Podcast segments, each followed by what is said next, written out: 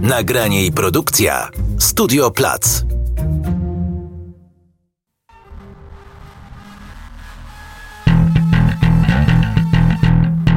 Nazywam się Barbara Klicka, a to jest podcast dwutygodnika magazynu o kulturze.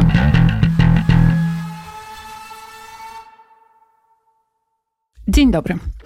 Dzisiejszy podcast ma nieco nietypową dla siebie formułę. Nie będzie bowiem odnosić się do żadnego z artykułów, e, które opublikował w ostatnim czasie dwutygodnik. E, sam postara się być tekstem. E, moje gościnie będą dziś tekstami. W stolicy trwa właśnie organizowany przez Dom Spotkań z Historią Warszawski Tydzień Kobiet to cykl spotkań z autorkami, działaczkami, kobietami, które w różnych sensach współtworzą krajobraz tego miasta. Moje dzisiejsze gościnie z całą pewnością są takimi osobami. Pierwszą z nich jest Joanna Miller, poetka, literaturoznawczyni, krytyczka literacka, ostatnio laureatka Silesiusa za całokształt. Cześć, Asiu. Cześć. Wolisz, żeby nie mówić o Silesiusie za całokształt? Nie, nie, możemy mówić. Bardzo się Bardzo cieszę. się cieszę. Drugą z moich gościń jest reżyserka, dramaturżka, naukowczyni, e, kulturoznawczyni Weronika Szczawińska. Cześć Weroniko. Cześć. Zacznijmy od samego początku. Chciałabym z Wami porozmawiać dzisiaj o tym, co to znaczy być kobietą artystką. Czy to jest jakaś szczególna droga? czy może nie, jak o tym myślicie. I zacznijmy właśnie od samych waszych początków. Czy od początku myślałyście o sobie per poetka, nie poeta, albo re reżyserka, nie reżyser? Tak, e, ja zawsze o sobie mówiłam jako o reżyserce i myślałam jako o reżyserce. E, to się chyba łączyło e, z, z takim nieuchronnie feministycznym rysem światopoglądowym, który miałam od jakiegoś tam wczesnego nastolenstwa. Ale też, kiedy ja studiowałam reżyserię na początku lat 2000, to w Polsce i chyba w Europie ten zawód był bardzo mocno jeszcze zmaskulinizowany i my z koleżankami e, wtedy stanowiłyśmy chyba taką pierwszą dużą grupę pokoleniową, e, która wchodziła do tego zawodu. To oczywiście nie znaczy, że reżyserujących kobiet w Polsce i w Europie wcześniej nie było, ale chyba nigdy ich nie było aż tyle naraz, albo nigdy nie miały, nie stworzyły sobie platformy do, do porozmawiania o tym w ogóle, co to, e, co to znaczy. Więc dla mnie to wyodrębnienie się też, też było istotne ze względu na taki, taki kontekst, że no właśnie czułam, że pojawia się coś, co, coś nowego, tak? Że ten, ten zawód być może się przekształca też poprzez taką e, zmianę ludzką. Mhm. A pamiętasz, e, jeszcze pytanie dodatkowe, pamiętasz ten moment, bo powiedziałaś, że twój światopogląd e, jakby był ukształtowany w nastoletniości. Pamiętasz skąd do ciebie przyszło, przyszła taka możliwość? Pamiętasz skąd ci się otworzyła w głowie taka klapeczka? Wszystko, co teraz powiem, to będzie jakaś hipoteza tak. i być może na temat swojej przeszłości, genealogii, genealogii chyba pamięć taka taka autobiograficzna jest zawsze takim fantazjowaniem. Znaczy, po pierwsze, wydaje mi się, że chyba trochę z domu, to znaczy jednak z takiego um, wpojonego e, prze przekonania, że mm, no, jednak tutaj no, nie ma jakichś takich istotnych różnic e, co mogą robić e, w życiu ludzie różnej płci, e, ale też wydaje mi się, że z jakiegoś takiego szczególnego momentu historycznego. To mhm. znaczy, ja jakoś tak dosyć mocno pamiętam, no wtedy jeszcze w zasadzie jako dziecko, no bo jestem rocznik 81, ten początek lat 90., e, kiedy strasznie się w Polsce kotłowało, też pod kątem praw kobiet. I pamiętam na przykład takie dosyć mocne poruszenie znajomych i przyjaciółek mojej mamy, związanych z zaostrzeniem niesławnej ustawy, E, antyaborcyjnej i, i takie dyskusje, no właśnie, co się dzieje, dlaczego, więc ja nie chcę tutaj twierdzić, że tam od początku lat 90. byłam zagorzałą feministką czy coś takiego, ale mam wrażenie, że istniał taki mm, klimat społeczny, do którego miałam trochę dostęp, e, że to jest po prostu istotna, e, istotna sprawa. To ciekawe, co mówisz, dlatego że ja też jestem rocznik 81 yy, i wyrostałam, ale dorastałam w takich okolicznościach, które absolutnie mi tego nie dawały i opisałabym ten czas właśnie mm, przy pomocy zupełnie innych yy, metafor. Joanno, yy, Joanna Miller. No to ja jestem od was dwa lata starsza i chyba bliżej, jeżeli już mówimy o tym wyrastaniu w którym mógł lub mógł nie narodzić się w nas feminizm, albo mógł się narodzić, to ja raczej jestem w tej um, bańce, gdzie ten feminizm przyszedł dosyć późno. E, ale oczywiście ten background, to podglebie rodzinne, wychowania, środowiska, z którego wychodzę, no ono musiało tak zadziałać, że jednak ten feminizm się pojawił na zasadzie oporu, buntu i chyba takiego walczenia o samą siebie. E, oczywiście też nie chcę fantazjować, kiedy był ten moment, że kliknęło. Natomiast pamiętam, nie wiem czemu, takie spotkanie to było moje jedno z pierwszych spotkań. Wydaje mi się, że jeszcze nie miałam książki, czyli to było gdzieś około 2003, drugi rok. E, prowadziła to spotkanie młodziutka, wówczas chyba jeszcze w liceum, Monika Glosowic, która jest teraz jurorką e, wspomnianego Silesiusa. Wtedy się nie znałyśmy. Było to spotkanie w Rybniku i brałam udział w nim ja i Marta Podgórnik. Chyba wtedy też pierwszy raz spotkałyśmy się z Martą i Monika jako pierwsze swoje pytanie zadała pytanie o to, czy ważna dla was jako piszących jest płeć, to, że jesteście kobietami piszącymi.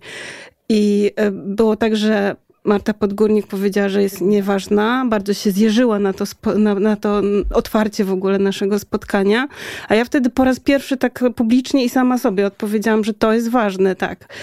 Mm, oczywiście na początku może w tomikach aż tak tego nie um, tematyzowałam i tak naprawdę gdzieś tam dopiero około roku 2009, czyli kiedy y, pod y, moją współredakcją wyszły solistki taka pierwsza antologia poezji kobiet w Polsce, to wtedy jakby te, te, to, te pytania pojawiały się coraz częściej. Tak, to już nie było pytanie o to, czy ważne jest, że jestem piszącą kobietą, ale też te wszystkie inne no, rzeczy, które wchodzą, kiedy zadasz sobie to fundamentalne, tak czy nie. Ale taki tryb, e, chyba kiedy ten feminizm już się zradykalizował, no to jest pewnie doświadczenie wielu z nas. To był ten rok 2016. Nie tylko mówię o protestach, e, oczywiście, ale też tak jakoś prywatnie e, gdzieś w, w maju um, uczestniczyłam, zresztą Basiu, ty też, w festiwalu Silesius, e, w którym no, no, nie było prawie kobiet i z tego zrobiła się duża granda. E, ja w niej też czynnie uczestniczyłam, też pier, tak, pierwszy raz po, postawiłam się i też postawiłam trochę jakby, mam wrażenie wtedy jakby stawką było też to, no ja byłam wtedy współnominowana do tej nagrody z Basią, która otrzymała tę tę nagrodę. Ale sama wiesz, jak to był trudny moment, bo Bardzo. też dla, byłyśmy w jakiejś tkance, z której trochę trudno się było wyrwać, z drugiej strony wchodzić w jakiś język, który może dla nas e, ze względów jakichś charakterologicznych nie był naszym podstawowym językiem. No tak, dla mnie język prawda protestu, oporu długo nie był tym językiem dla mnie łatwym. E, a wtedy to się zaczęło. E, już wtedy zaczęłam pisać Tomik Waruj, no którym już tak chyba mocniej. No i to mocniej. był też rok, kiedy wyszła druga antologia e, poezji kobiet, czyli Warkoczami, więc to są te momenty. Wymieniłaś rok 2009, kiedy ukazały się solistki. Przypominam sobie, co towarzyszyło pierwszej antologii poezji kobiet w 2009 roku. Z dzisiejszego punktu widzenia to jest w ogóle niewiarygodne, mhm. jak, e, jaki rodzaj narracji e, towarzyszył e, tej publikacji, to znaczy pogardliwy, jakiś bardzo no, deprecjonujący pod każdym względem. I no tak, to niewiarygodne, że to nie było aż tak dawno temu. Tak, no chciałam was zapytać o zmianę, o to, co się zmieniło przez te lata, bo zidentyfikowałyście się jako feministki, zaczęłyście tak myśleć o sobie, powiedziałyście sobie, że płeć w waszym pisaniu jest, czy w waszym e, reżyserowaniu, ale też, też w pisaniu, Weroniko, jest, e, jest ważna.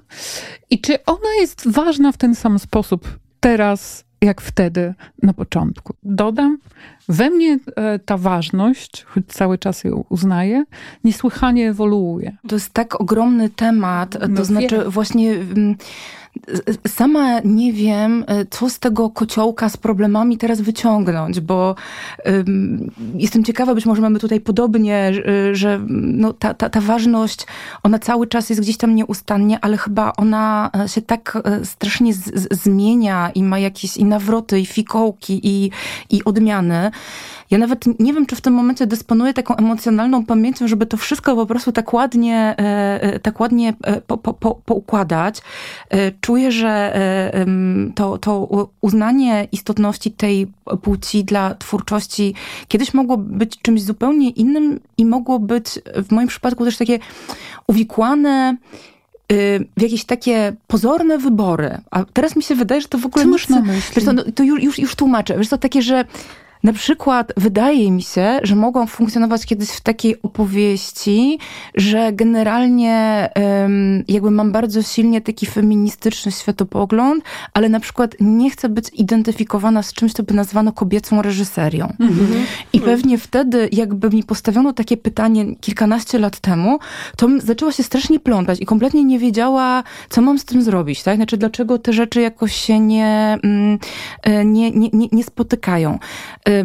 Wydaje mi się, że tak mogło być, bo rozmawiało się wtedy, i ja też byłam częścią takiej rozmowy o tym wszystkim, bardzo na takiej płaszczyźnie chyba intelektualno-estetycznej, a brakowało tam po prostu takiego czynnika e, reprezentacji, koleżanek, sieciowania, e, realnego środowiska e, i też czegoś takiego, że ten feminizm w sztuce, w teatrze na przykład, to nie jest jakaś taka zdobycz, że my po coś e, wejdziemy, coś zrobimy i tak już zostanie tak. na zawsze. I już będzie, i już będzie feminizm. I już tak. będzie feminizm, który za, za, e, za, zapanuje. Więc to, takie, to, to, co mówię o takich pozornych wyborach, to takie rzeczy, które w tym momencie albo kompletnie by mnie nie obchodziły, albo bym jakoś in, inaczej spróbowała um, opowiedzieć. Ale może tu się na razie zatrzymam, bo chyba sobie muszę jeszcze jakoś to poukładać. Dobrze. I... Tutaj e, na naszym poletku poetyckim e, to było to rozróżnienie, którego my się bardzo jako redaktorki, e, no najpierw solistek, potem warkoczami trzymałyśmy, czyli poezja kobiet, a poezja kobieca. Bo jednak ta etykietka poezji kobiecej, tak jak reżyserii kobiecej, no to, to właśnie była etykietka. I też bardzo trudno, właśnie ty nazwałeś to kociołkiem, bo to jest też kociołek terminologiczny, tak? I mm, zawsze jakby bardzo bardzo się pilnowałam, żeby mnie nie przejęto, żeby mnie jakaś narracja nie przejęła. Dobrze wiemy, jak, jak, nawet w dobrej wierze pewne narracje przejmują nasze głosy, więc to też był dla mnie temat po prostu. To znaczy, e, chociażby, no nie wiem, w, w książce Waruj, która była też wspólnie stworzona z Joanną Łańcucką, e, która jakby miała ten głos komiksowy, czy ten obraz komiksowy, to już e, jakby jest taka, taki rodzaj um, negocjowania, co jest jest moje, co jest moim głosem, co jest powiedziane w, w formie my, co jest naszym, naszą wspólnotą e, dwóch artystek, które się za to zabrały, ale też wspólnoty większej, z której się wywodziłyśmy, czyli Seminarium Wspólnego Pokoju. I to znowu, to była i jest wspólnota raz większa, raz mniejsza, wielogłosowa, bardzo różna. I też bardzo się starałyśmy, żeby nigdy nie mówić takim jednym głosem. Ja jeszcze tylko bym powiedziała, bo to mi jakoś przyszło wyszłam tu chyba z tym, z tako, y, też dlatego, że właśnie kończę czytać książkę e, Rebeki Solnit, e, Matka Wszystkich Pytań, e, którą wcześniej nie sięgnęłam, nie wiem czemu. I ona tam bardzo ładnie pisze o tym, że my ciągle żyjemy, my jako kobiety feministki w, takiej, w takim trybie po prostu fight or flight, walcz tak. albo uciekaj, co w gruncie rzeczy może wcale nie jest dla nas osobiście, czy dla kobiet, choć nie chcę, żeby to esencjonalnie zabrzmiało, ale to nie jest nasz tryb taki naturalny, naturalny i on Ni bardzo niczej, wyniszcza. Niczej, niczej, tak. Niczej, tak. Oczywiście, choć ona tam mówi, że może dla mężczyzn to jest troszkę, trochę łatwiejsze ta, ta, ta walka z jakichś tak. tam powodów. Ona bardzo e, kładzie nacisk na to, żeby, e, żeby też korzystać właśnie z takiego potencjału pozytywnego, budowania pewnych wspólnot. Mówi o takim trybie tend and befriend, tak, żeby się e, być przychylnym, zaprzyjaźniać w jakiś sposób i coś tworzyć, niż tylko walczyć, bo no, o tym się też dużo mówi w kontekście na przykład protestów kobiet, aktywistek, które są po prostu ich aktywistów wypaleni, wyniszczeni, po prostu wpadają w jakieś psychiczne tarapaty i tak dalej. I sama odczuwam to we własnym tworzeniu, że kiedy jest ten moment, kiedy ja już nie muszę, czy nie chcę, czy na chwilę mogę nie mówić w czyimś imieniu, a mogę mówić o czymś innym, albo napisać pozytywny wiersz. To jest trudne. Rzeczywiście jest mi bardzo bliskie to, co obie powiedziałyście, e, w tym sensie, że to negocjowanie między pojedynczością a wspólnotą, które jest nieuchronnie związane z tym tematem, o którym dzisiaj rozmawiamy, to jest również też tem temat, który wraca do mnie e, i bardzo często i też od odpowiedzi na to pytanie e, są we mnie różne w zależności od momentu, w którym ja się znajduję.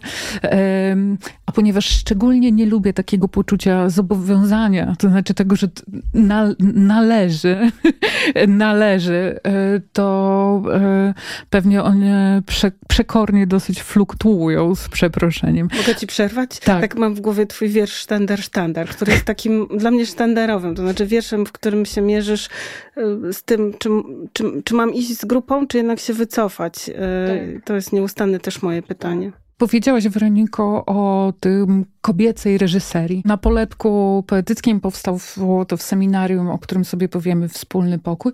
Powiedziałaś, że brakowało środowiska, czy sieciowania, brakowało więzów przyjaźni, jak rozumiem, e, czy poczucia wspólnoty właśnie, takiej realnej, namacalnej wspólnoty. Czy coś takiego powstało e, w końcu? Wiesz co, wydaje mi się, że, e, że tak, że, że, że powstało. Natomiast chyba trudno byłoby mi to podczepić pod jakikolwiek taki kontekst, nie wiem, instytucjonalny, tak? I ja mam wrażenie, że po prostu dokonała się jakaś taka z, z, zmiana, y, może trochę pokoleniowa, a trochę związana z tym, jak się prowadzi te praktyki w teatrze, y, która po prostu do, doprowadziła do takiego naprawdę większego po, po, połączenia ludzi ze sobą, tego, że ludzie zaczęli, zaczęli gadać, a wcześniej wydaje mi się, że pojawił się przez chwilę taki bardzo niebezpieczny trend, to właśnie to, o czym Joanno wspomniałaś, właśnie o takim zagarnianiu tych, tych narracji feministycznych czy, czy kobiecych, bo my przez chwilę byliśmy bardzo modne. To znaczy zrobiło się coś takiego, że e, w Polsce pojawiło się tyle e, reżyserujących kobiet, że wytworzył się taki trend. Jest super, mamy reżyserki, o matko, jaki ten teatr polski jest europejski i światowy i równościowy. Wspaniale. No. W pewnym momencie nawet jakieś takie, nie wiem, i, i, i jednemu z festiwali, który, który zresztą ja bardzo ceniłam i jakby bardzo, bardzo lubiłam, towarzyszyło właśnie takie straszliwie irytujące mnie hasło Polski teatr jest kobietą.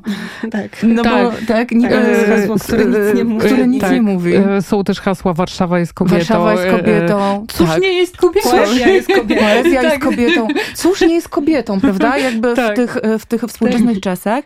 No i właśnie wtedy trochę się wydawało, że ten temat jest e, odfajkowany. Też, też część e, jakby e, kobiet reżyserujących zaczęła wtedy odnosić naprawdę wielkie sukcesy, dostawać bardzo, bardzo, bardzo ważne nagrody. Więc trochę się wydawało, że takie, to w ogóle o co, o co chodzi, tak? I teraz w, wydaje mi się, że może coś, co przynajmniej w mojej praktyce było takie um, przełomowe, to jednak uświadomienie sobie, że my musimy przestać mówić o samych reżyserkach, tylko Mm, e, rozpoznać taką no bardzo głęboko e, klasową e, strukturę tego środowiska, w którym jesteśmy. No bo tak, mój zawód łączy się z tym, że pracuję z ludźmi, tak? Ja trochę pracuję sama, ale jakby ta najistotniejsza kompetencja polega na tym, że właśnie ja mam tę, tę grupę. I mogę w tej grupie zająć bardzo różne pozycje, od takiej utwardzonej liderki, po jakieś tam inne, może, może ciekawsze. Mm, I w pewnym momencie zorientowałam się, że wyjście z tego właśnie klinczu tych modnych reżyserek polega na tym, że my musimy trochę mówić o solidarności z aktorkami, scenografkami, choreografkami. Ja gdzieś tam od początku swojej praktyki chyba miałam taką intuicję, żeby dawać pracę kobietom, to znaczy w, w takim sensie, w, nawet w takiej prekarnej sytuacji, w jakiej jest początkująca reżyserka, tak, my zawsze możemy dawać pracę, bo to my konstruujemy te drużyny twórcze, które potem jakby przedstawiamy dyrektorom. Więc miałam taką tendencję. E, no, ale mm, właśnie po, potem zorientowałam się, że to nie chodzi tylko o to, żebyśmy my tam były, ale żeby popatrzeć, jakie kłopoty i wyzwania stoją właśnie przed innymi osobami identyfikującymi się jako kobiety, wy, wy, wykonującymi wszystkie inne, poza właśnie tą będącą na świeczniku reżyserią zawody teatralne. Mhm. Gdybym teraz miała powiedzieć o takim miejscu, które jest dla mnie jakoś tam szczególnie feministyczne pod tym kątem, to jest taki kolektyw, który ja współtworzę. On się nazywa Instytut Sztuk Performatywnych, INSPER. E, I tam są i, i, i mężczyźni, i, i kobiety, ale jakby wszystkim nam bardzo są bliskie wartości feministyczne.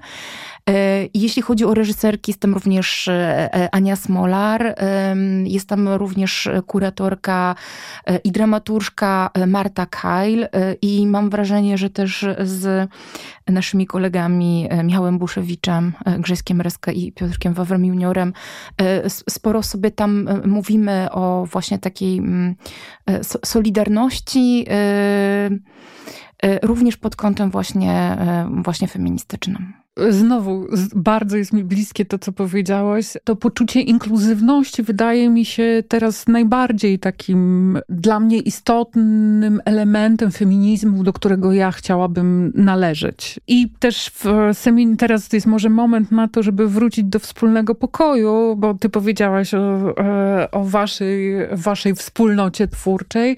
Joanno, przez wiele lat e, byłaś jedną ze współtwórczyń seminarium Wspólny Pokój, które odbywało się w dawnym SDK-u. Opowiedz więcej coś o, o tym miejscu i o tym, po co ono zostało powołane. No tak, tutaj y, z kolei właśnie myśmy jako wspólny pokój powstały, powstali, bo tam są też od razu mówię mężczyźni, żeby nie było. Y, to było miejsce, które od 12 lat funkcjonowało i na początku rzeczywiście, na początku przez wiele lat instytucjonalnie było zaczepiane pod Staromiejski Dom Kultury w Warszawie. Zresztą no, to miejsce kobiece dla kobiet, mówiące o sztuce, literaturze y, szeroko pojętej, ale też nie tylko, bo to były też seminaria, na przykład było świetne seminarium o autyzmie, więc to, to, to były różne, powiedziałabym, działalności, gdzie interesowało nas właśnie to pytanie, ta matka wszystkich pytań, y, czyli kobieta. E, no i przez lata jakby to funkcjonowało też zaczepione o w ogóle środowisko poetyckie skupione wokół wówczas Beaty Guli, Tomka Świtalskiego, Pisma Wakat i tego, co, co przez oni przez 30 lat już właściwie w Warszawie robili. No i tak, y, rzeczywiście to były takie seminaria, y, które zasysały całą Polskę, mogę powiedzieć. Tak, znaczy, goście, gościnie przyjeżdżały z całej Polski. Miało ono też taki charakter, że wprawdzie te pierwszych sześć seminariów poprowadziłam ja, no bo Beata Gula, która to stworzyła, miała taki pomysł, ale później już była sztafeta, to znaczy każdy i każda z nas mogła zgłosić swój projekt, zaproponować lektury czy materiał, nad którym pracowaliśmy i po prostu poprowadzić e, takie spotkania. To a propos właśnie roli silnego lidera, czy silnej liderki. E, to było pierwsze takie miejsce, z którym ja się zetknęłam, które rzeczywiście realnie wprowadzało, wprowadzało rolę słabego lidera tak. każdorazowo. Tak. I to było, mówimy o roku 2012 na przykład. Tak, 2011 na zaczę, zaczęliśmy, bo pamiętam, tak. Więc to było też miejsce życiowe, życiowo ważne dla wielu osób. Znaczy ja na przykład tam trafiłam będąc w trzeciej ciąży i nie za bardzo w ogóle wiedząc jak sobie z tym ułożyć świat, e, a była tam na przykład e, przyjaciółka e, moja, która miała siedem córek i, i to jest właśnie to, kiedy o tym mówię, a mówię no troszkę nas używając, przepraszam cię Magdo, jeśli tego słuchasz, ale to było, to pokazywało, że my nie jesteśmy jednolite w żaden sposób pod względem ideologicznym. To znaczy ten feminizm matki wielodzietnej różni się od feminizmu na przykład, nie wiem, mm, le, lesbijek, które były w naszym gronie, tak? Albo e, dziewczyn, które nie chcą mieć dzieci i jakby też to jest ważny dla nich temat, tak? E, e, ale też ta różnorodność właśnie osób prowadzących i tematów był, dała nam możliwość poznawania różnych stanowisk bez okopywania się i grodzenia. No natomiast, no właśnie, w 2010 roku zostałyśmy jakby wyrzucone, nie tylko wspólny pokój, ale cała...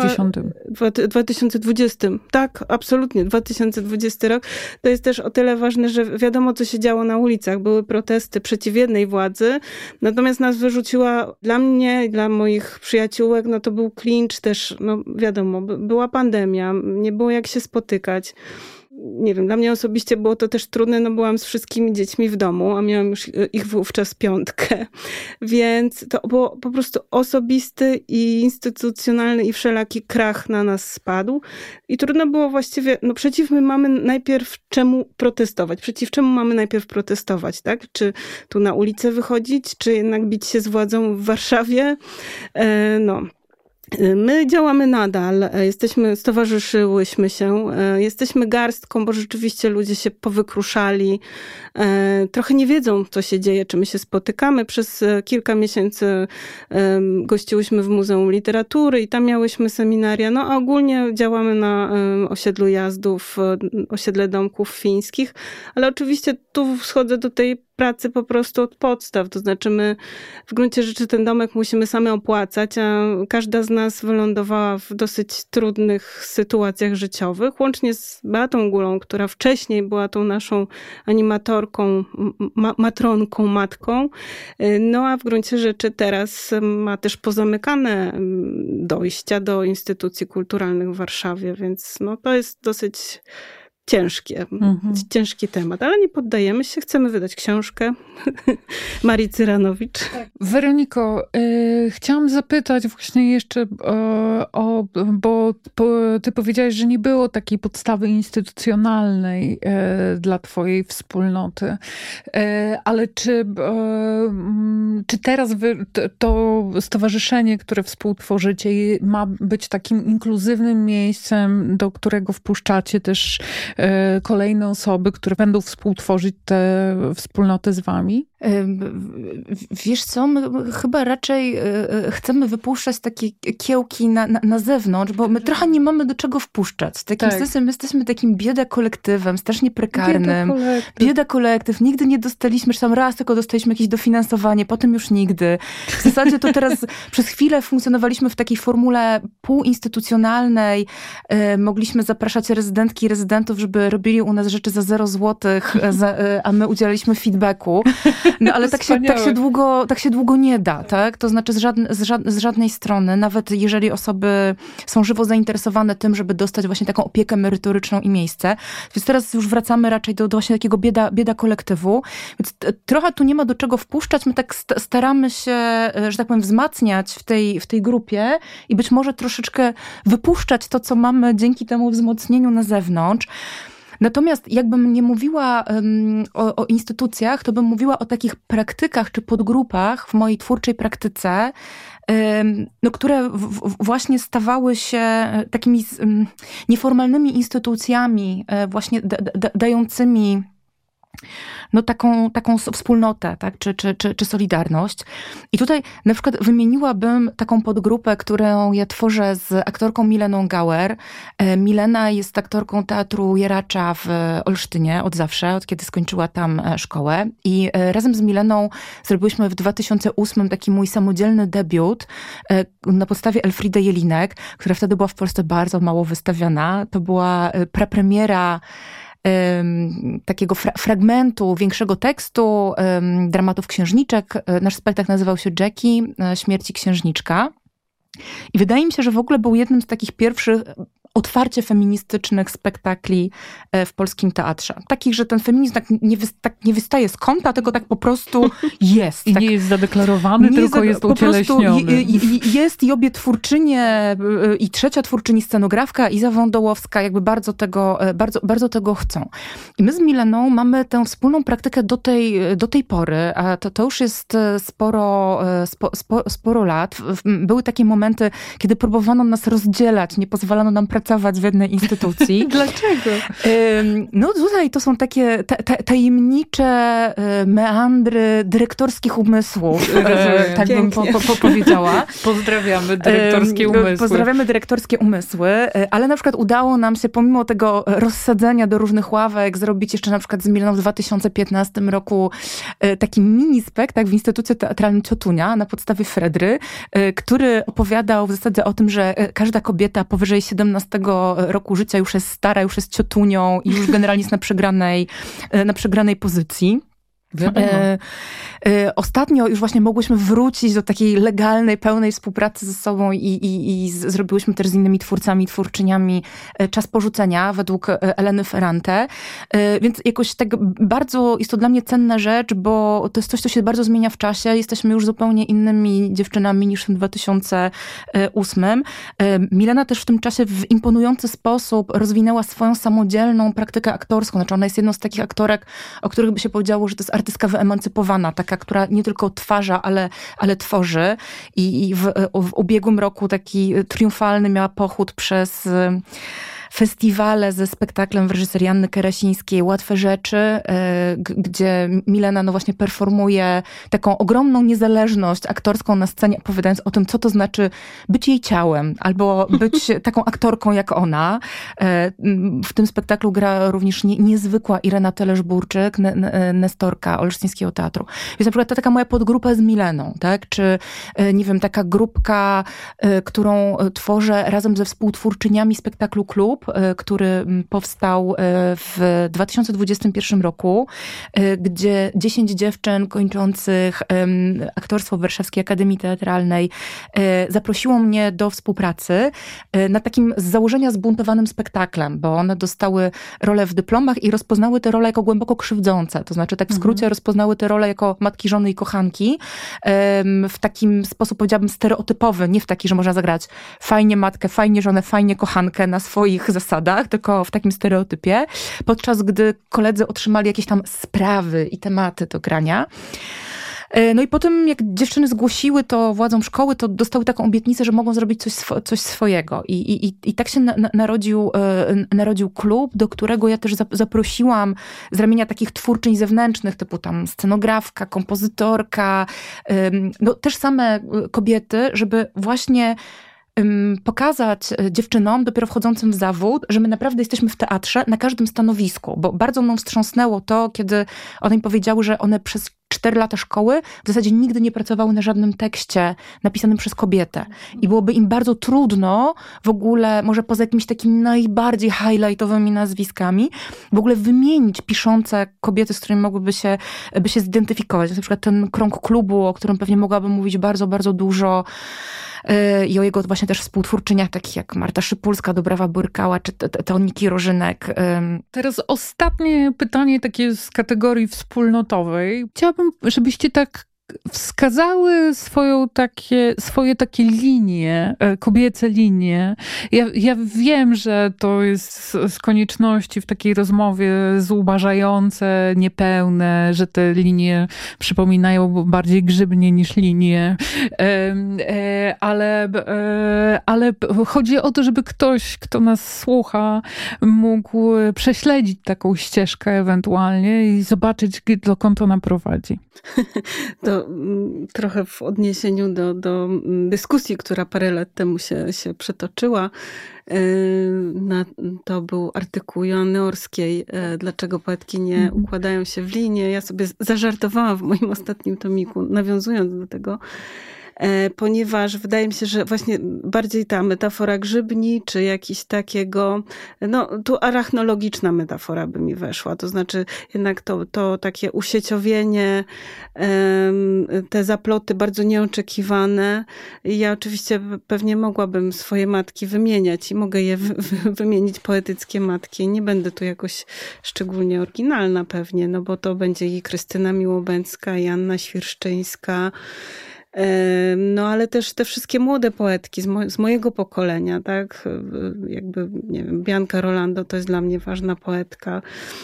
Szczerze mówiąc, no właśnie mogłabym wymieniać i wymieniać i wymieniać, e, bo ja też bardzo jestem zaciekawiona różnymi językami, też pewnie dlatego e, jakby mam idealną pracę, bo pracuję jako redaktorka głównie z poezją, więc tych języków przychodzi do mnie bardzo dużo też na poziomie takich warsztatów, czyli rzeczywiście są warsztaty, pracownie biura literackiego na przykład e, w tym roku prowadziłam połów i po prostu przychodzą mm, ludzie z tematami, wydaje by, wydawałoby mi się, że ważnymi i wydawałoby się, że ten temat można obrobić na trzy sposoby, a ja tu dostaję 200 sposobów, tak? I w związku z tym ta metafora linii zupełnie mi tu nie przylega, no bo to są te zaploty, e, dialogi, też jakby wracając do pytania twojego tam sprzed paru minut, e, o to, co się zmieniło. No, wydaje mi się, że tych przeplotów jest dużo więcej. To znaczy, że rozmawiają ze sobą piszące dziewczyny dialogują, nawiązują do siebie w wierszach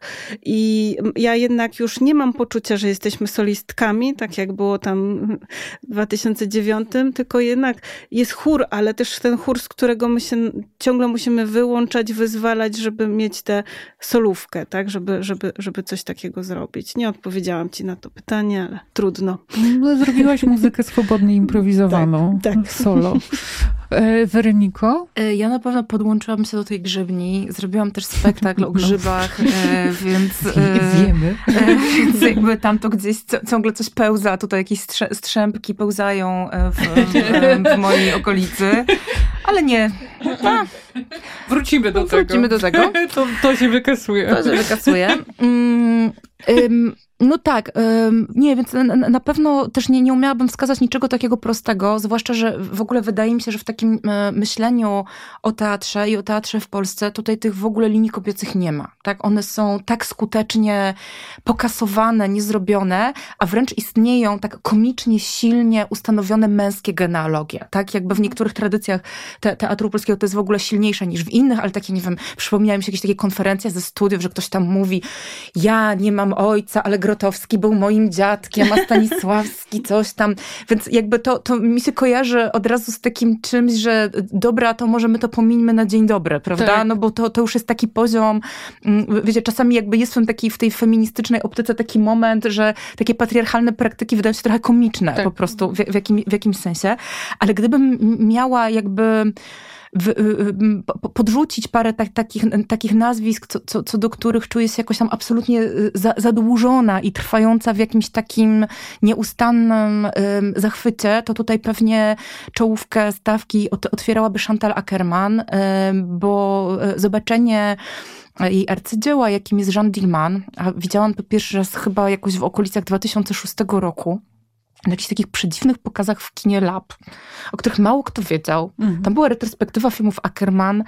Y, na te filmy y, zabrała mnie moja przyjaciółka Kasia Bojarska, wybitna badaczka, której y, zawdzięczam, pozdrawiamy Kasię, zawdzięczam większość rzeczy, jakie posiadam w swoich zwojach mózgowych. Więc Kasia zabrała mnie na, na, na, na ten przegląd Ackerman i zobaczenie tego, jak można zrobić film o kobiecie, który jednocześnie w tak nieprawdopodobny sposób poddaje refleksji w formę. No właśnie stawia sobie pytanie, jak opowiedzieć to doświadczenie i wkodować je w formę.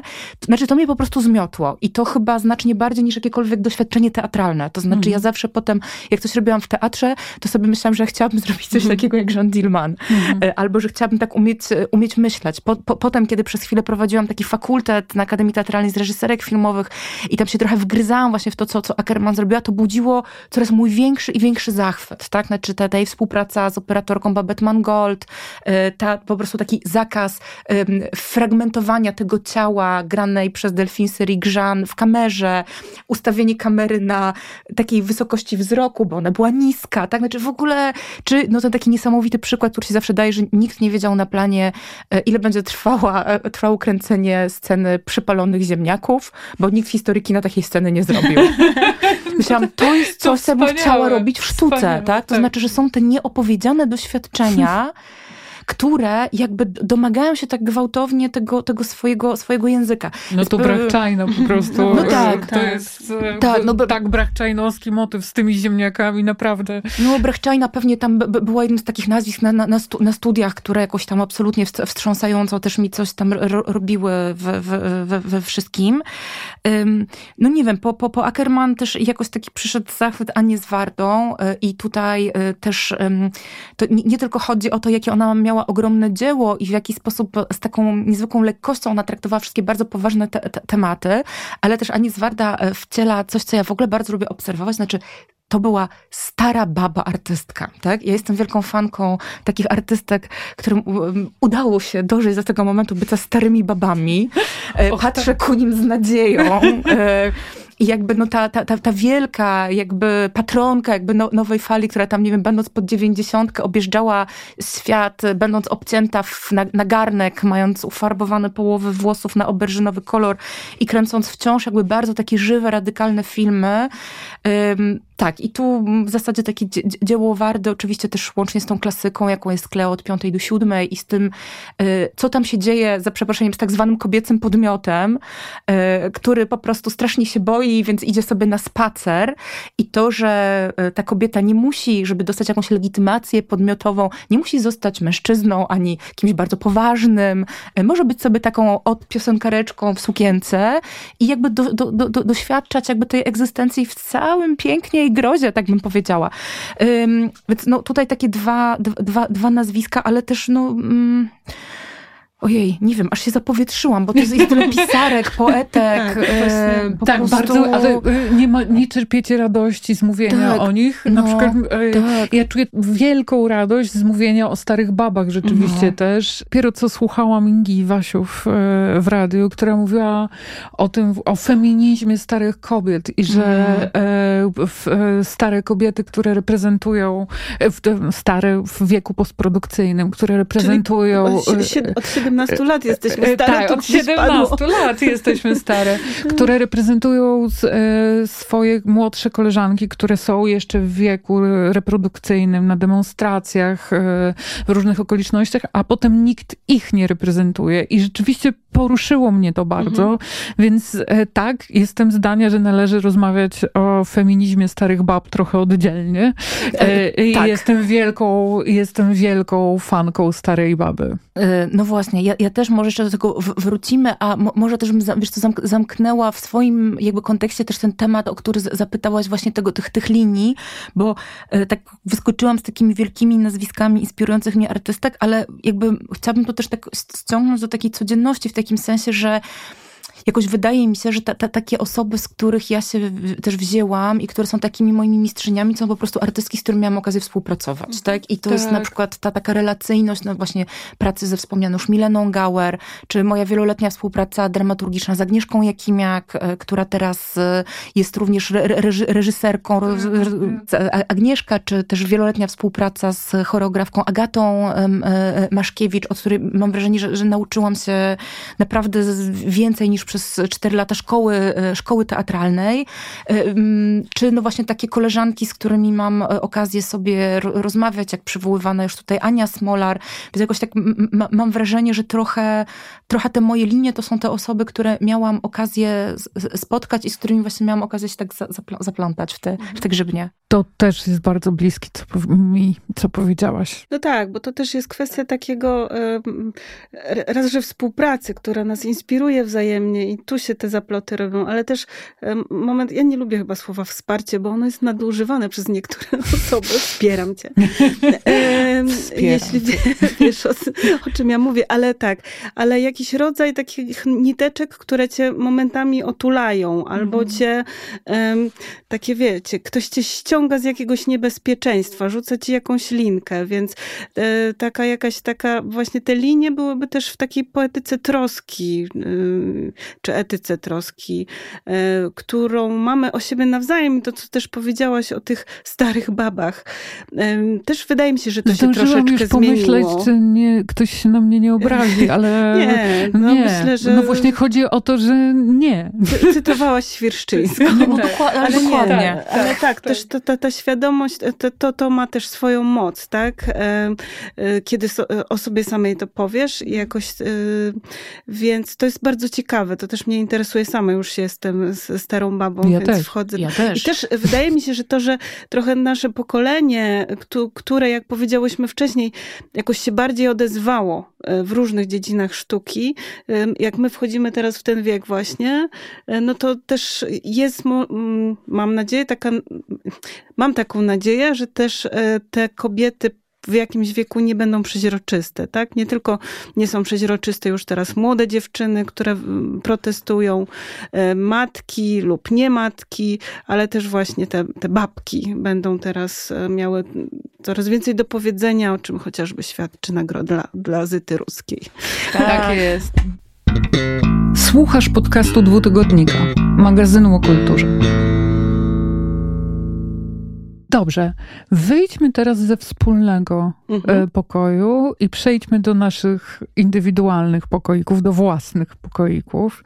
E, poświęciłyśmy wspólnocie sporo czasu. Chciałabym teraz Was zapytać o Wasze indywidualne praktyki, e, mm, o to, jak kobiecość odciska się w Waszych indywidualnych praktykach. Gdzie wyznaczyłyście sobie na własne potrzeby granice między indywidualnym a Mogę zacząć. Y, przyszła mi do głowy metafora, pojawiła się tu Brachczajna i ona y, i w eseju Otwarcie i chyba w takim eseju o skórze y, z tej drugiej książki pisze, e, e, tak, w, w, w błonach umysłu, ona tam pisze o tym, co mnie uderzyło, choć to jest przecież jasne, że skóra to nie jest tylko to, co zewnętrzne, ale też jakby to, co wewnątrz. I dlatego my jesteśmy takimi organizmami, gdzie trudno to postawić granice, gdzie jest wnętrze, gdzie zewnętrzne, gdzie się otwieramy, gdzie zamykamy.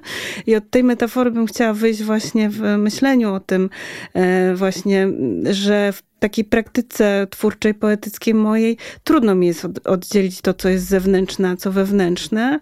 E, oczywiście mm, są takie momenty, kiedy właśnie już nie chcę symbolicznie iść na ten marsz. To znaczy, że y, chcę zostać w domu, nie chcę kolejnego wiersza pisać w trybie my, w czyimś imieniu, też w moim własnym, ale właśnie w takim trybie walczymy.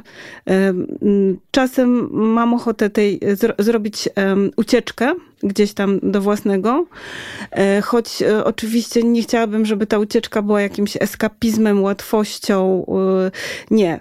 Tyle tylko, że jak się przyglądam też moim starszym tomikom, zawsze gdzieś jestem w, w tym w tej sferze domowej, to znaczy no, dużo wierszy poświęciłam macierzyństwu, e, tak, czyli tym bardzo prywatnym e, kwestiom. Wydawało mi się może jeszcze kiedyś, że to są prywatne kwestie, a dobrze wiemy, że nie. I to chyba wchodziło do moich wierszy, kiedy ja jeszcze nawet nie wiedziałam, że wchodzi mi publiczne, że to jest po prostu dyskurs publiczny, kiedy opisuję, nie wiem, jakąś przemoc położniczą, e, albo po prostu też wciskanie mnie w, w jakąś formatkę, formatkę matki. E, I też oczywiście bardzo zawsze tematem było dla mnie jakby negocjowanie siebie jako osoby piszącej, twórczej, a byciem tą osobą reprodukcyjną kującą, tak, e, zaprzęgniętą trochę też przez społeczeństwo do, do, do tej reprodukcji, a nie produkcji, nie wytwarzania. E, więc Czasem wydaje mi się, że te wiersze, które wydawały mi się prywatne, osobiste, pisane we własnym pokoju, nagle się okazują najbardziej wspólnotowe i też miałam to doświadczenie, bo czytelniczki czy czytelnicy nagle e, mówili mi, że wow, to jest taki zaangażowany wiersz. E, ja w życiu tak o nim nie myślałam. Ale oczywiście są też te momenty zmęczenia aktywizmem jakiegoś, aktywizmem w pisaniu, tutaj mówię w praktyce twórczej, czy, czy w jakiejś takiej działalności, no nie protesty, tylko właśnie jakaś praktyka twórcza, e, kiedy chciałabym trochę napisać o tym zmęczeniu. Wydaje mi się, że też to widać jakby w, w moich tomikach, znaczy tomik Waru i y, ten poemik z Joasią Łańcucką, on jest bardzo opisany na, na gniewie, na frustracji, na wspólnocie i tam jest też użyta figura figura chóru greckiego, e, gdzie nawiązuje do Trojanek. Ale e, już na przykład Hista, e, wydawało mi się, że to będzie Hista and Hersista. Tomik, wydawało mi się, że to będzie tomik, tomik o histerii, jako też takim ujarzmianiu kobiet, tak? Wsadzając je w e, rolę histeryczek.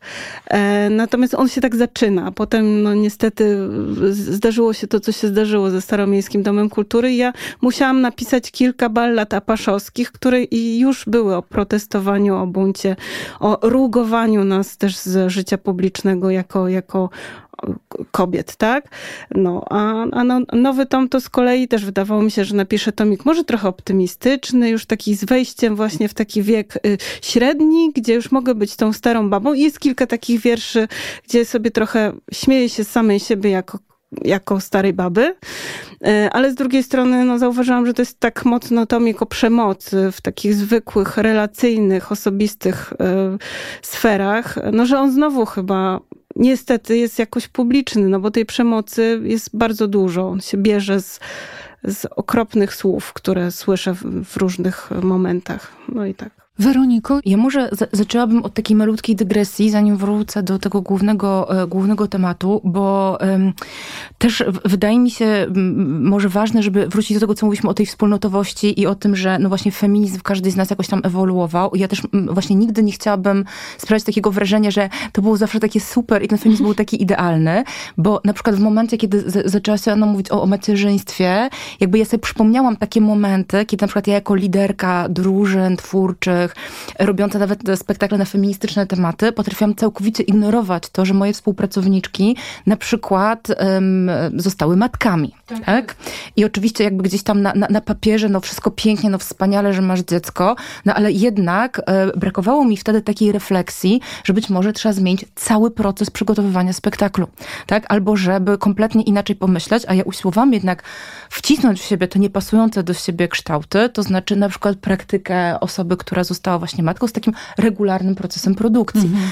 Myślę, e, chcę tak myśleć, że teraz już bym tego nie zrobiła, mhm. staram się jakby działać inaczej. To też pokazuje taki, nie wiem, przewrót może w świadomości nie tylko indywidualnej, ale w ogóle takiej praktyki, tak, że jakby właśnie od y, mówienia o tematach do też jakby do wcielania. Do, do, do wcielania. E, mówię o tym, no bo jakby moje bycie jakby w tej y, sytuacji jakby artystycznej jako kobieta też jest po prostu siłą rzeczy byciem z innymi, z innymi osobami. E, więc bardzo mi zależało, żeby to jakoś tam do, e, dopowiedzieć.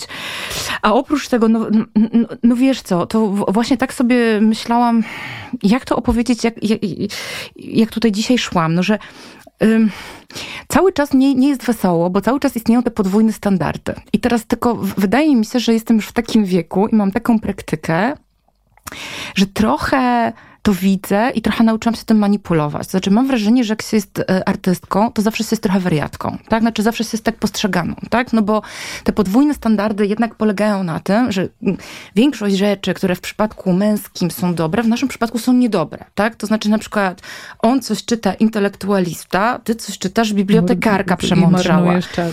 I marnujesz czas, nie? Jakby mm, e, mężczyzna emocjonalny, wspaniały, ale prawdziwy artysta ma ten kontakt ze sobą, ty jesteś jakby historyczny historyczka. Będę podpowiadać. Będę... tak, możemy tak jakby zagramy, w, zagramy w taką grę, w taką tak. grę. Masz jakieś jeszcze, przychodzą wam do głowy jeszcze jakieś opozycje no, e, tego mnóstwo, typu? Kociołek. No, no, tak, kociołek. E, no właśnie, czytam... E, no, po, powiedzmy, ktoś ma swoją oryginalną praktykę, będąc mężczyzną, no to jakby jest po prostu wybitnym twórcą, a jesteś dziwadłem w zasadzie. Ekstrawagancki. Ekstrawagancki, oczywiście ekstrawagancki, a to jest jakby coś takiego dziwnego. I mm, ja mam poczucie, że trochę się musiałam w mojej praktyce z tym mierzyć, tak? To znaczy z takim y, i, i być może cały czas jakoś tam, e, tam muszę. Na pewno coś, co pomimo tego, że naprawdę już mega dużo się zmieniło, mega, mega, to cały czas istnieje takie chyba wszczepione podskórnie poczucie, że te kobiety artystki to są jednak takie wieczyste małoletnie. To znaczy ja mam wrażenie, że nas się nigdy nie do końca bierze serio. I to nie jest tak, że ja bym chciała być zbrana serio, tak na poważnie, po prostu dokleić sobie wąsa i teraz, nie wiem, siedzieć z berłem na tronie, ale jednak jest, jest coś takiego, że mm, wciąż, przynajmniej w naszym środowisku, ja obserwuję taką grę w prestiż i ten prestiż jest jakby bardzo mocno dystrybuowany na takich starych zasadach, jakby raczej osobom um, akulturowanym do bycia mężczyznami. Więc to tak, zaczęłam od takiego narzekania, ale ono, ono niestety jest, jest, jest, jest, jest częścią tego, no bo mhm. y, i, ma bardzo duży, ma, ma bardzo duży, ma bardzo duży wpływ i też trudno się tutaj nie zastanawiać, na przykład na ile to jest coś, co ten twórczość tak trochę czasami krępuje, albo co sprawia, że się do, dokłada sobie taką dodatkową cegiełkę, tak? Na przykład to, że ja się całe życie muszę z tego tłumaczyć, dlaczego w ogóle ten temat jest dla mnie ważny, tak? Mhm. Albo co znaczy być kobietą reżyserką, prawda? Że to jest jakby najczęściej tam pierwsza, albo w ogóle co, czym jest feminizm w teatrze, czy jakby też widzieć, nie wiem, no nie wiem, czy się odpowiada na czyjeś zamówienie feministyczne, czy się nie odpowiada na czyjeś gdzieś tam Oraz zamówienie. dlaczego się ma ciało bezczelnie? To jest coś, na co ja na, na tak, co ja tak. ciągle muszę odpowiadać, co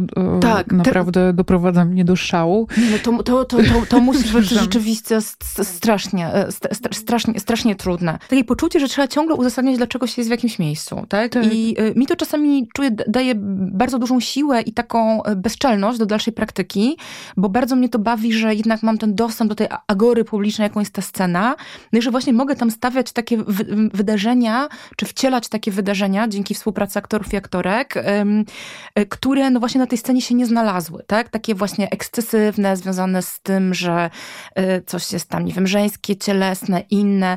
I tak się trochę czułam, jak nie wiem, robiliśmy w 2018 adaptację Genialnej Przyjaciółki w, Wrocławskim Teatrze Współczesnym, ym, gdzie bardzo mocno skupiliśmy się na takich wątkach właśnie wstydów. Wstydów związanych i z pochodzeniem, i z byciem kobietą, i z byciem kobietą artystką. I miałam wrażenie, że y, znalazło się tam parę takich, takich rzeczy, które no jakoś no, nie do końca są uznane w ogóle za tematy dla, na, dla sceny. E, na pewno to jakoś ba, ba, bardzo mocno mi dawało siłę, jak robiłam taki spektakl e, Onko dwa lata temu, e, który jakby dotyczy też doświadczenia choroby, którą przeszłam, a która też jest bardzo upłciowiona, gdyż zahacza o żeńskie, żeńskie organy, jakimi są piersi.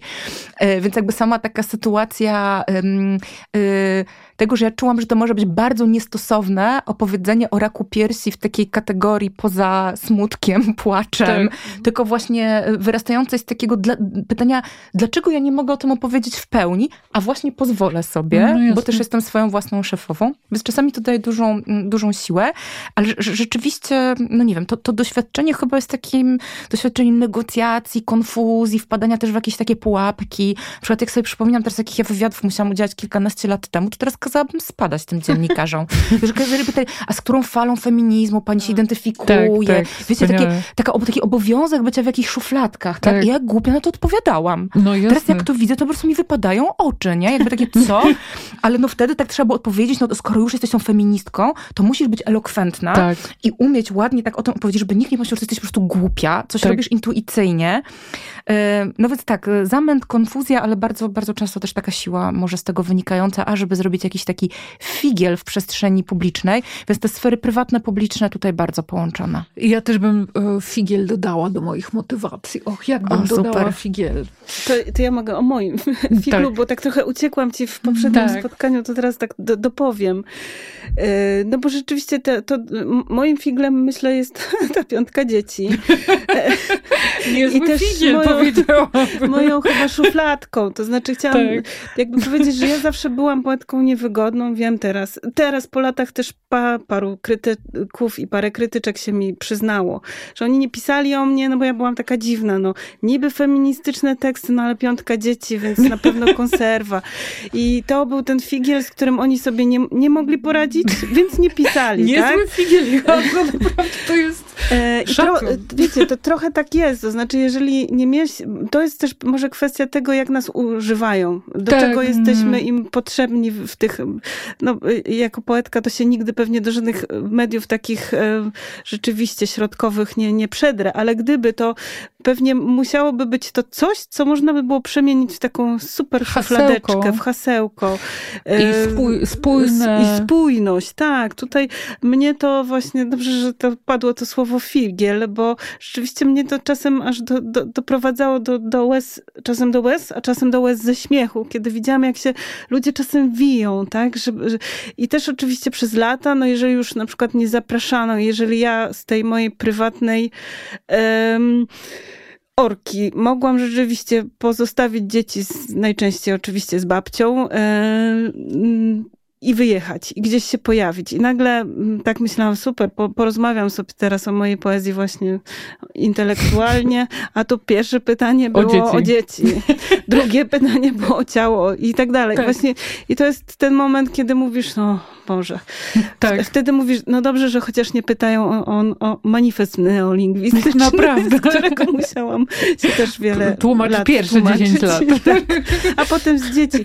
Więc powiem wam, że jak w tym roku zaproszono mnie do Berlina na takie spotkanie, gdzie poezja macierzyńska różnych e, autorek z całego świata była omawiana, też powstaje taka antologia tam, to pierwszy mój odruch będzie, był taki, że kurczę, boję się, bo od paru lat nie piszę o macierzyństwie, nie jestem już tak bardzo wikłana w ten temat, uszufladkę, a tu nagle musiałam do niego wrócić.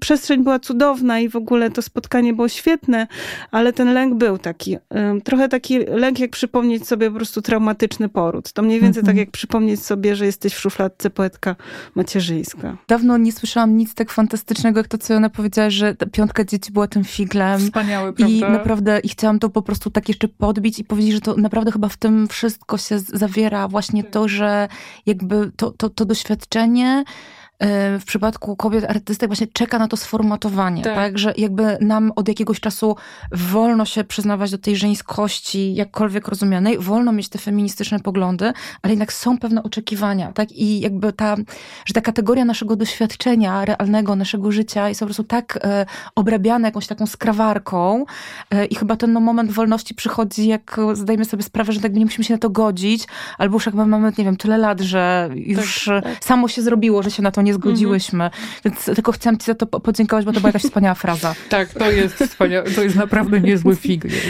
Słuchajcie, bardzo bym chciała wam zadać jeszcze dwa pytania, a gadamy już za długo, e, więc, e, ale wiedziałam, że tak będzie, więc mm, wybaczam wam to i nam to.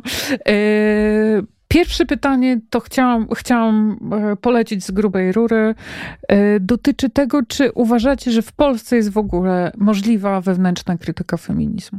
Hmm, myślę, że po, powinna być możliwa, tylko no, to, to, to jest strasznie trudne prowadzić taką krytykę w takiej sytuacji półreżimowej tak? I jakby w takim, w takim momencie, kiedy naprawdę odbieranie nam praw stało się już rzeczą po prostu śmiercionośną.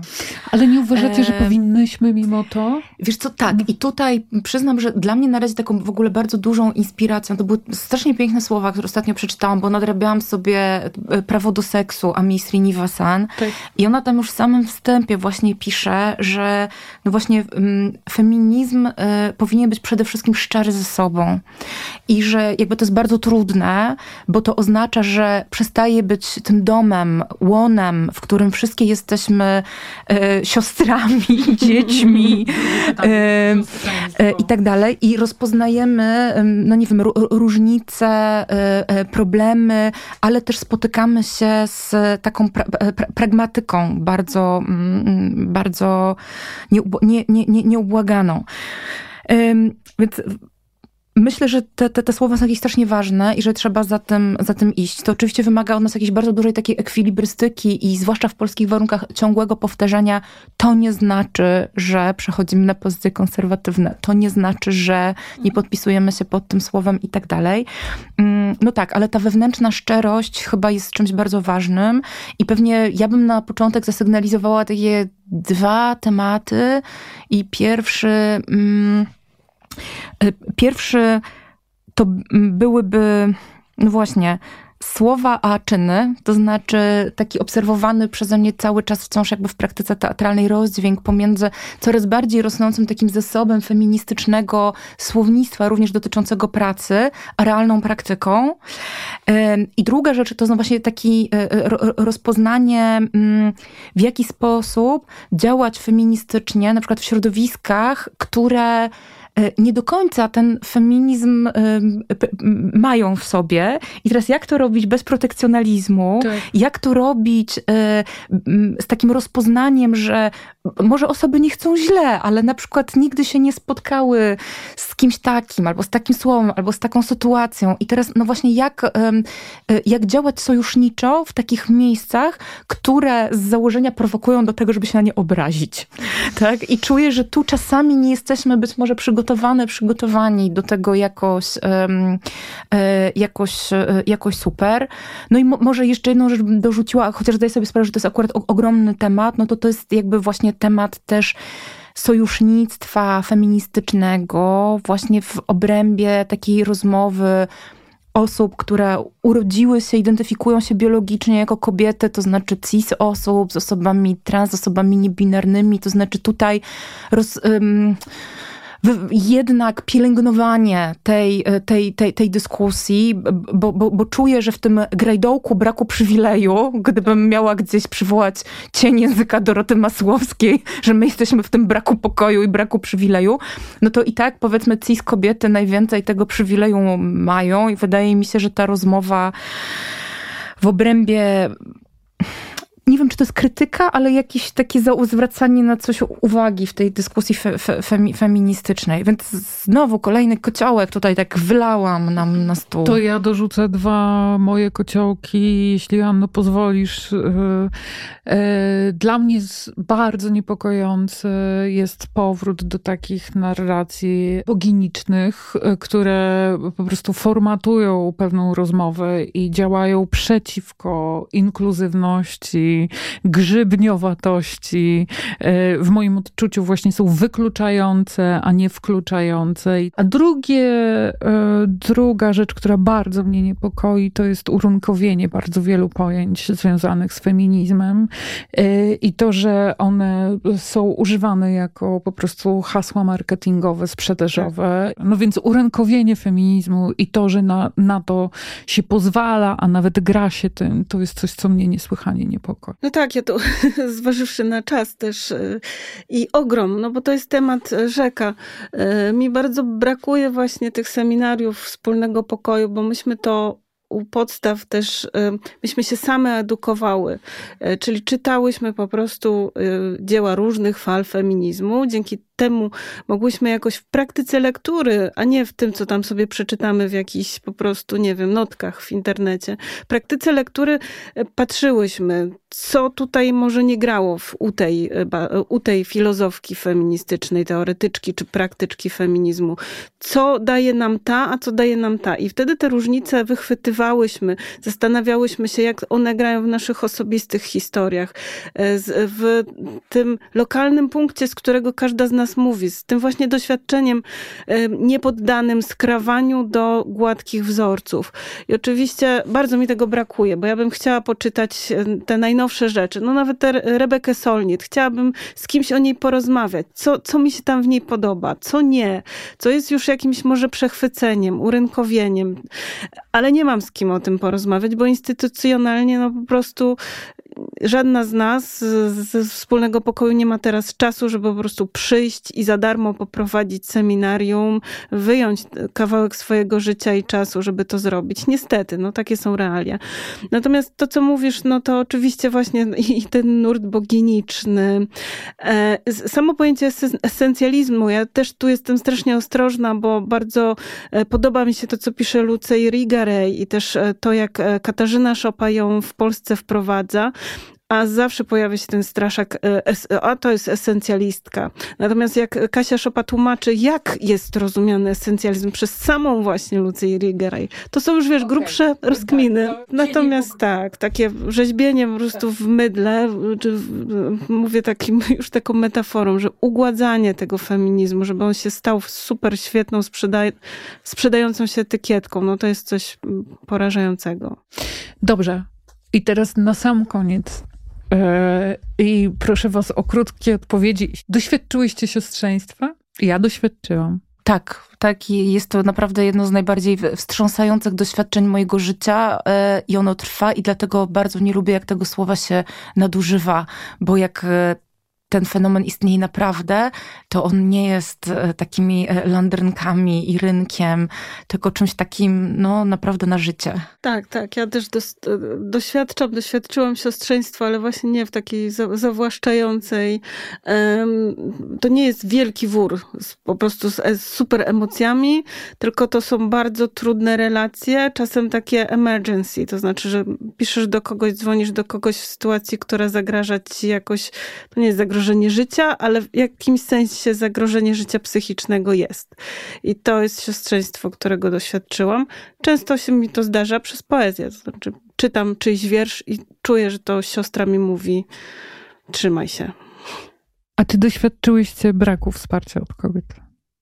Mm, na pewno. Albo właśnie takie najbardziej bolesne są chyba te momenty, kiedy właśnie pod pozorem siostrzeństwa czujesz się wykorzystana w sposób obrzydliwy i rwą się więzi, ale też ty jesteś po prostu, no nie wiem, oszukana tak straszliwie. To chyba są najgorsze momenty. Powiedziałabym tak samo jak Joanna. Ja, ja, ja, też i pewnie dorzuciłabym do tego ten wątek, o którym ty Basiu wcześniej mówiłaś, taki rynkowy, tak? To znaczy tak. mam bardzo dużą właśnie taką alergię na takie pozorne więzi siostrzeństwa, które de facto jakby są marketingowe, reklamowe i, i zamieniają nas w takie postaci z, re, z reklamy feminizmu w życiu codziennym. Dziękuję wam bardzo. E, życzę nam dużo prawdziwych e, relacji, dużo prawdziwych spotkań jeszcze.